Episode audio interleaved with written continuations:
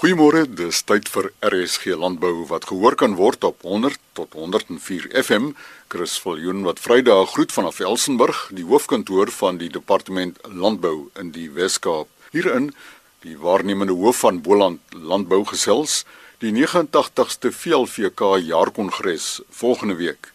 Die tamatie blaar myner en die president van Agri Wes-Kaap oor die wysiging van artikel 25 van die grondwet.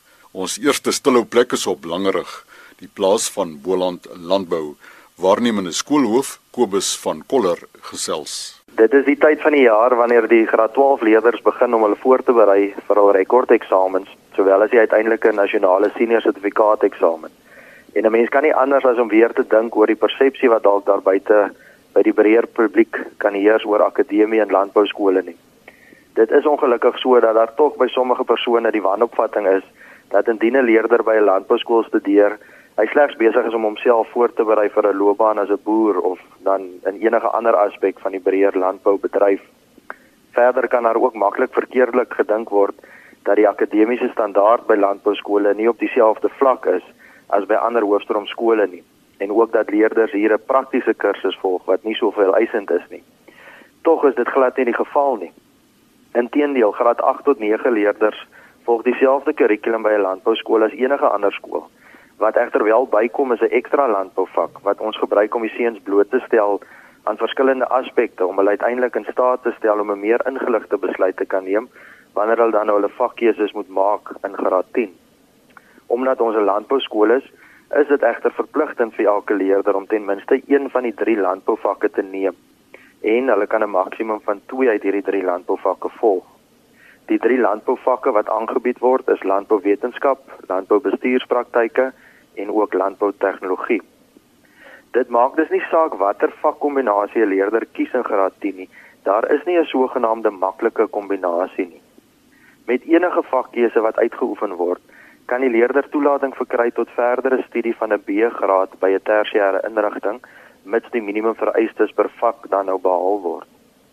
Dit is dan ook die rede hoekom ons oud studente kan oplewer wat studeer om mediese dokters, veeartse, rekenmeesters, ingenieurs te raak en dan natuurlik ook diegene wat direk by die landboubedryf betrokke raak.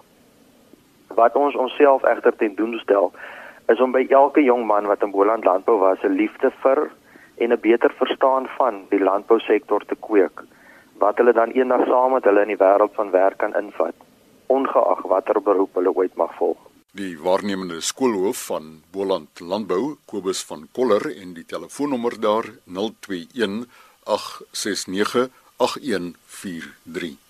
Die 89ste VLVK jaarkongres begin eerskomende Woensdag die 22ste Augustus op Woester. President Karin van Skalkwyk telefonies van hulle plaas op Calvinia Op 23 en 24 Augustus 2018 word hierdie jaarlikse VLV hoogtepunt by die ATKV Goudini Spa Rossenwil aangebied. Die sakelys beloof om iets vir almal se smaak in te hou. Tydens die amptelike opening tree Dominee Fanie Kriel, 'n predikant van die Strooida Kerk Parel, ook 'n pastorale terapeut, 'n sielkundige en 'n bekende op die RSG program Geestesgesondheid op en lei ons nuwe VLVK tema laat 'n voetspoor leave a footprint in. Die persoon wat vir sy of haar besondere bydrae en prestasie op 'n bepaalde gebied vereer word word jaarliks deur die vroue landbouvereniging van Kaapland aangewys. Vanjaar sê VLVK dankie aan die bekende en voormalige Agri SA president meneer Johannes Moller vir sy uitsonderlike bydrae tot Suid-Afrikaanse landbou in die algemeen. Mevrou Romanda Viljoen bring kongres op die hoogte van e-leer en meneer Johannes Moller spreek Suid-Afrika se landbou toekoms toe.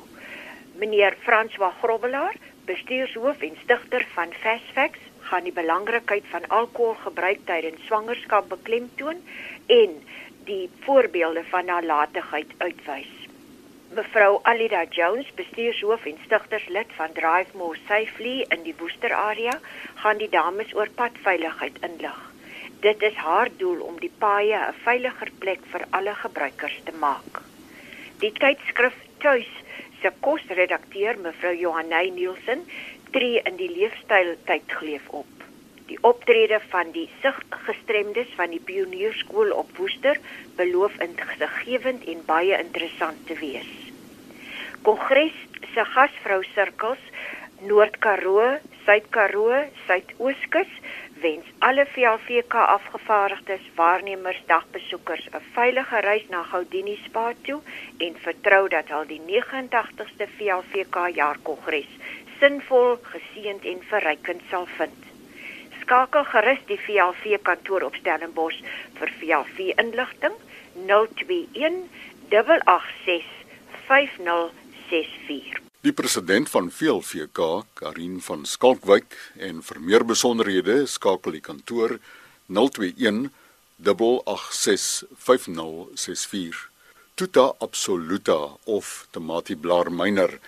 Entomoloog op groentepla en peste Dr. Diedrich Visser gee raad vanaf LNR Rodeplaat groente en suurplante. Die Tomati blaarmyner of soos dit beter bekend staan Tuta absoluta nou vir amper 2 jaar in Suid-Afrika teenwoordig. Die larwes van hierdie klein mooitjie is blaarmyners en is 'n ernstige plaag op tomaties. Waar geen weer toegepas word nie, kan totale oesverliese verwag word. Maar wat van aardappel?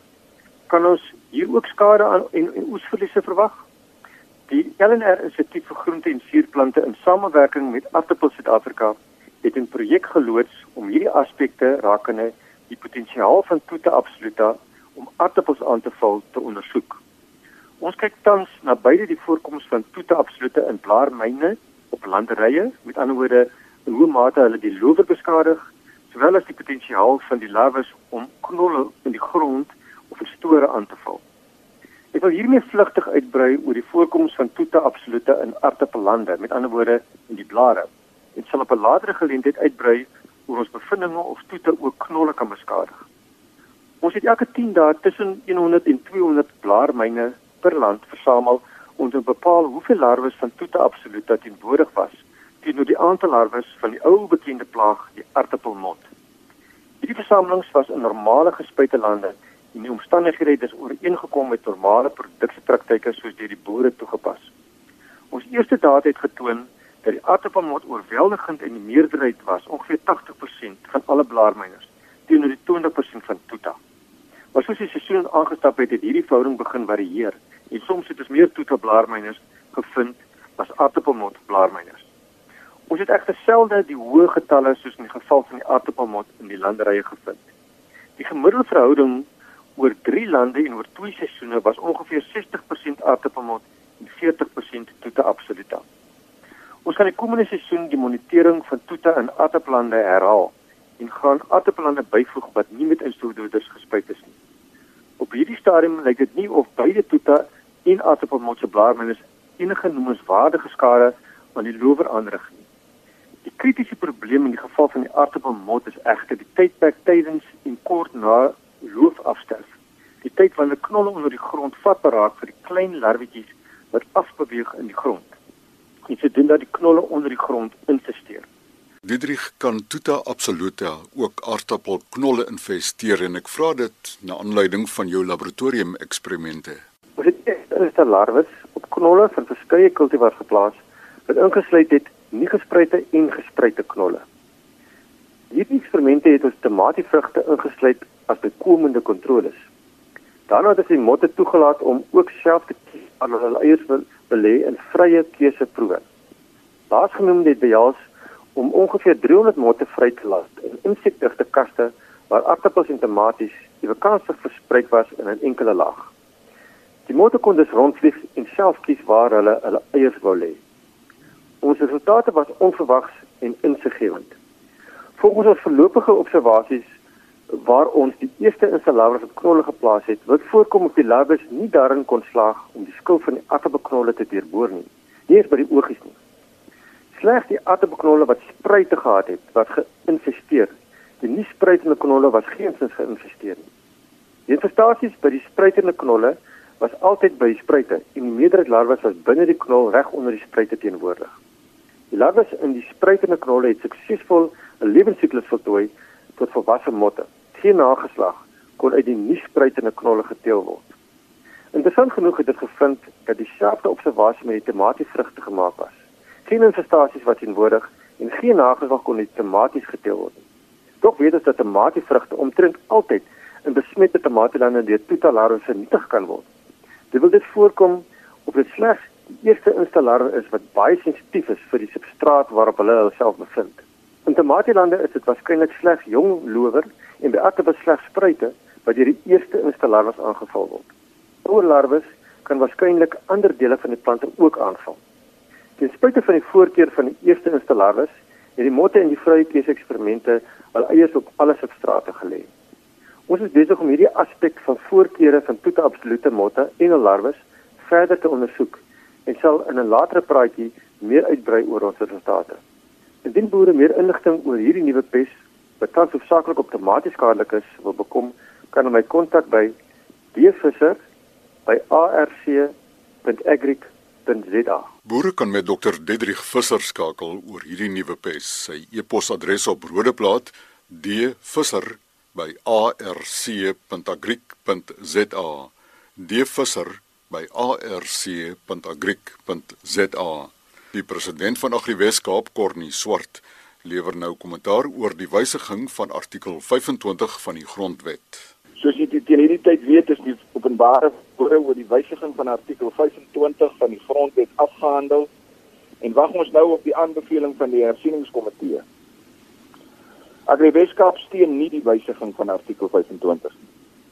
Ons sal eerder wil sien dat daar gefokus word op die regering se onvermoë om in 20 jaar grondhervorming suksesvol te implementeer. Hulle pogings het klaaglik misluk as gevolg van korrupte regeringsdepartemente, 'n gebrek aan wetgewing, die wanbesteding van begrotings en 'n totale gebrek aan parlementêre oorsig. Die debat behoort ook te kyk na hoekom die regering weier om eiendomsreg aan begunstigdes van grondhervormingsprojekte te gee. Agriweskaap het ook die volgende kwellings. Eerstens, as grond sonder vergoeding onteien word, het dit 'n direkte negatiewe impak op die belastingbasisse van munisipaliteite omdat die markwaarde wat gebruik word vernietig word. En tweede, kapitaalwinsbelasting gaan dieselfde pad volg. Gaan die fiskus dit aanspreek?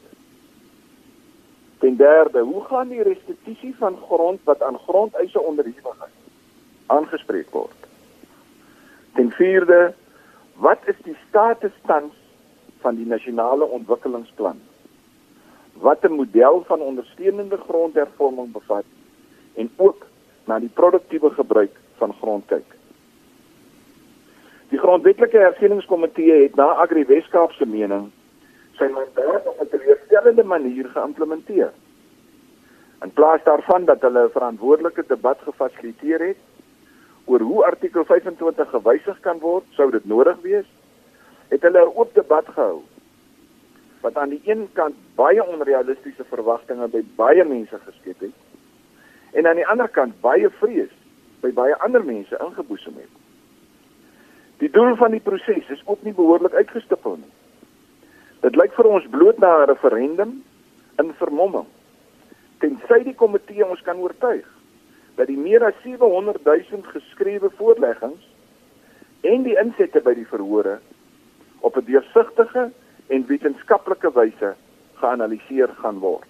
Die president van Agri Weskaap, Cornie Swart, En dan in RSG Landbou, môreoggend om kwart voor 12 gesels twee boere oor die werklikheid van landbou. Laat ek jou sê, dit sukkel om die goed markgereed te kry. Jy kry hulle nie markgereed as jy nie hulp kry nie. Want jy moet die, die vee afrond alvorens hulle kan mark want want die mense sal nie eens op optrek vir hulle sal in elk geval nie uh, byvoorbeeld 'n klas 2 sal uh, slagpale nie besleg nie. Die ander kant van sukses is om jouself te integreer met georganiseerde landbou. Ons kan nie apart staan van georganiseerde landbou nie, want dit is waar ek ook baie geleer het met jou medeboere rondom jou en ons gesels een taal. Dis groetheid vanaf die departement van landbou in die Wes-Kaap op Elsenburg. Beste wense van Chris Viljoen.